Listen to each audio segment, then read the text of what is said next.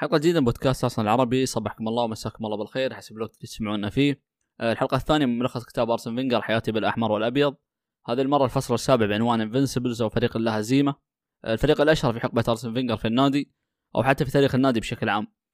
آه، شكرا على ثنائكم عن الحلقة الأولى. إن شاء الله نكون حسن الظن دائما. استماع ممتع. في بداية موسم 2003-2004 قررت اللاعبين ما أعلنته سابقا في الإعلام. نستطيع نفوز باللقب بدون هزيمة. آمنت بهذا الشيء وكان هدف لي. أتذكر كل لاعب في الفريق الاستثنائي. طبعا الجميع يتذكر النجوم. اللاعبين الذين كانوا في الواجهة. باتريك فييرا جيلبرتو سيلفا راي بارلور فريدي ليونبيرغ روبرت بيريز دينيس بيركام تيري أونري لورين ينز ليمان وأشلي كول. أيضا هناك قلبين دفاع كانوا أساس هذه المجموعة. الأول سول كامبل. وصل في الفريق 2001 كان أحد نجوم غريمنا التقليدي في شمال لندن توتنهام. عقده كان قريب من النهاية.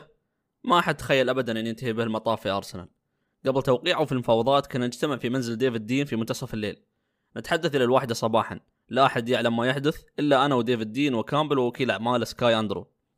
كنا نختبر ما يمكن أن يحدث. أعلنت أنني سأظهر للإعلام للإعلان عن صفقة جديدة. اجتمع الصحفيين. دخل سول كامبل للغرفة. كانت صدمة كبيرة للجميع. بعد سنوات قضاها مع غريمنا التقليدي سول كان يعاني جدا دائما في تنقلاته في لندن. جمهورهم يصفه بالخائن. يرى لافتات كثيرة تسيء له في الشوارع. سول مدافع عظيم عنده قوة بدنية رهيبة شجاع ترك أثر كبير في السنوات الخمس اللي قضاها مع الفريق. أجواء الديربي كانت مشحونة جدا قبل سول لكن بعده زادت الحرارة. الديربي مباراة خاصة لنا وللجماهير. كنا نحس بحرارة الأجواء قبل المباراة بأسبوع لما كنت أشعر بهذه الأجواء في البداية لأنني جئت من الخارج لكنني عرفت قيمة المباراة للمشجعين. بات رايس كان يفضل إشراك اللاعبين المقاتلين للديربي لكنني فضلت اللاعبين التقنيين الذين حسموا الديربي في كثير من المباريات. أمثال روبرت بيريز وتيري أونري الخسارة في الديربي تؤثر علينا لعدة أيام بعد المباراة لكننا لا نخسر كثيرا ضدهم. بجانب سول كامبل كان كولو توري الذي وصل بعده بسنة تدرب في أكاديمية جين مارك جيو في كوت ديفوار. جين مارك مؤسس الأكاديمية أعرفه من أيامي في كان وموناكو هو ترك فرنسا واستقر في أفريقيا وأسس هذه الأكاديمية في العاصمة أبيجان. الأكاديمية مهمة جدا للكرة الأفريقية. جين مارك صاحب كفاءة عالية كمدرب استطاع تدريب جيل رائع من اللاعبين لكوت ديفوار. الأكاديمية لم تعد موجودة في أبيجان.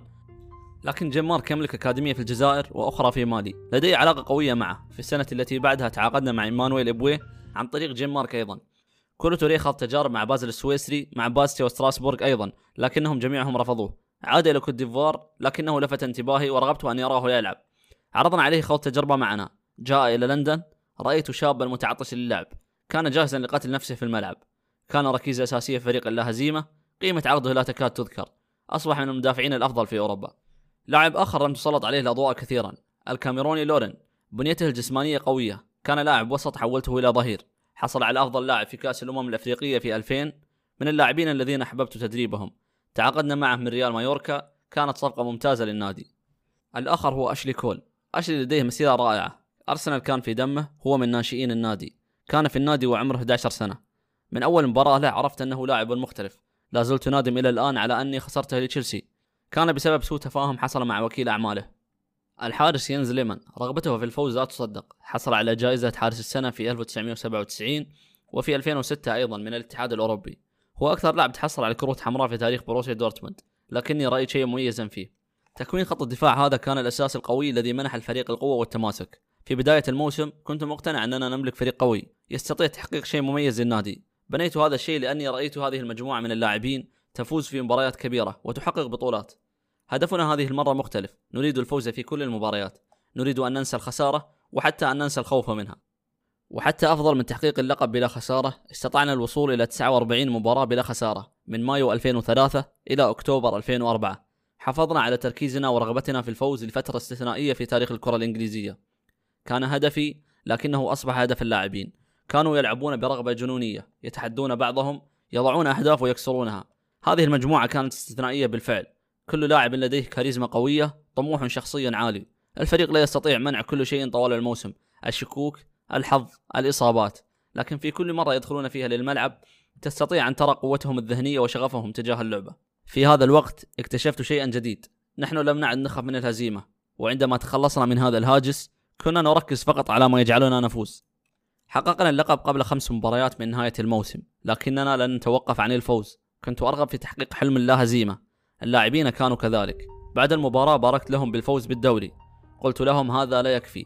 نحن نستطيع إنهاء الدوري بلا خسارة. استطاعوا المحافظة على هذا الشيء إلى المباراة الخمسين. راودني إحساس أن هناك رابط بين 49 مباراة بلا هزيمة وسنة ميلادي 1949 ربما القدر كان سبب في خسارتنا الخمسين. ربما هناك سبب آخر. الخسارة جزء من اللعبة. ربما تأتي بسبب خطأ سخيف أو رعونة أو أنانية بعض المرات. في 24 أكتوبر 2004 كانت المباراة الخمسين ضد مانشستر يونايتد في الأولد ترافورد. هذه المباراة لن أنساها طوال حياتي. خسرنا 2-0 كانت مباراة ملحمية. صراعات كثيرة أخطاء كثيرة تغاضى عنها الحكم. سيطرنا على المباراة لكننا لم نستطيع التسجيل. في الدقيقة 73 الحكم أعطاهم ركلة جزاء لم تكن مستحقة. كانت اللقطة التي غيرت كل شيء. كل شيء تغير في المباراة بعدها. أنا واللاعبين شعرنا بظلم كبير. لم نكن نستحق الخسارة. بعد المباراة كان هناك تشابك كبير بين اللاعبين.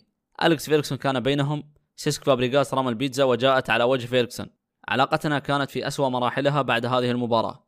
كانت خسارة كبيرة لنا. الأوقات السعيدة مرت وأخذت معها عدم الخوف من الخسارة. بعد عدة شهور مباراة أخرى تخلد في تاريخ الكرة الإنجليزية. 14 فبراير 2005 أرسنال ضد كريستال بالاس فزنا 5-1 الإعلام سلط الضوء على تشكيلتنا بدون أي لاعب إنجليزي. أشلي كول وسول كامبل كانوا خارج التشكيلة. لم انتبه عند اختياري للفريق لكن ردة فعل الإعلام كانت قوية بحجة مستوى المنتخب الإنجليزي وصحة الكرة الإنجليزية بشكل عام. هذا شيء غير صحيح بالنسبة لي وغير مبرر. أعتقد الدوري كان قوي لكن المشكلة كانت في قلة المواهب الإنجليزية الصاعدة. وجود الأجانب صحي بالنسبة لهم ويساعدهم على التطور. الآن كل شيء اختلف. المعايير عالية جدا في إنجلترا مواهب مميزة صاعدة بكثرة. الشكر الأكاديميات التي انتشرت في كل مكان وبكفاءة عالية. في الجانب الآخر كرة القدم تحمل رسالة اجتماعية قوية. يمكنك وضع قدوة يتم اتباعها في كرة القدم أو زرع ثقافة مجتمعية تنتشر سريعا للناس. أيضا هناك موضوع كثر الحديث عنه وهو العنصرية. لا أعتقد أنها موجودة بكثرة في الأندية الإنجليزية لكن هل هي منتشرة بشكل عام؟ نعم أعتقد ذلك. تعرض باتريك فييرا وسال كامبل لإساءات عنصرية وهي مرفوضة تماما. أنا فخور بالقوة التي نواجه فيها العنصرية في وقتنا الحالي. في نهائي الكأس في مايو 2005 ضد مانشستر يونايتد فزنا بضربات الترجيح. كانت آخر مباراة لباتريك فييرا. فزنا لكننا لم نكن الطرف الأفضل. أقنعت باتريك للبقاء لسنة إضافية وعدم الانضمام لريال مدريد. كان يرغب بالخروج بعد لحظة سعيدة. خرج بعد هذه البطولة إلى يوفنتوس. كانت ذكرى سعيدة له ولي. أنا المدرب الذي فزت بسبع كؤوس FA Cup وسبع دروع خيرية وقتها. هذه كانت نهاية الفصل السابع من كتاب أرسن فينجر. الفصل السابع بعنوان Invincibles أو فريق اللا هزيمة. آه، للأمانة الفصل مخيب للآمال أو خلينا نقول أقل من المأمول بحكم أن هذا الفريق الأشهر في حقبة أرسن فينجر أو الأشهر بتاريخ النادي بشكل عام. طبعا قارئ الكتاب هذا أكثر فصل يتطلع إليه فصل فريق اللا هزيمة لكن للأسف مثل ما قلت كان أقل من المأمول بحكم التطلعات أو التساؤلات اللي كانت كثيرة حول هذا الفريق والإنجاز الاستثنائي اللي قام فيه في تاريخ الدوري بشكل عام. أرسن فينجر كعادته classy آه، راقي في نظرته آه، في ودائما ينظر للأمور الإيجابية فقط ويتكلم عنها. أعتقد أرسن فينجر في مقابلاته أو لقاءاته المباشرة كان أعمق وأدق في التفاصيل يتكلم عن أمور ما تطرق لها كثير في الكتاب. آه، هذا هو الشيء المخيب يعني بالنسبة لي. شكرا لكم على استماعكم مرة أخرى. حياكم الله.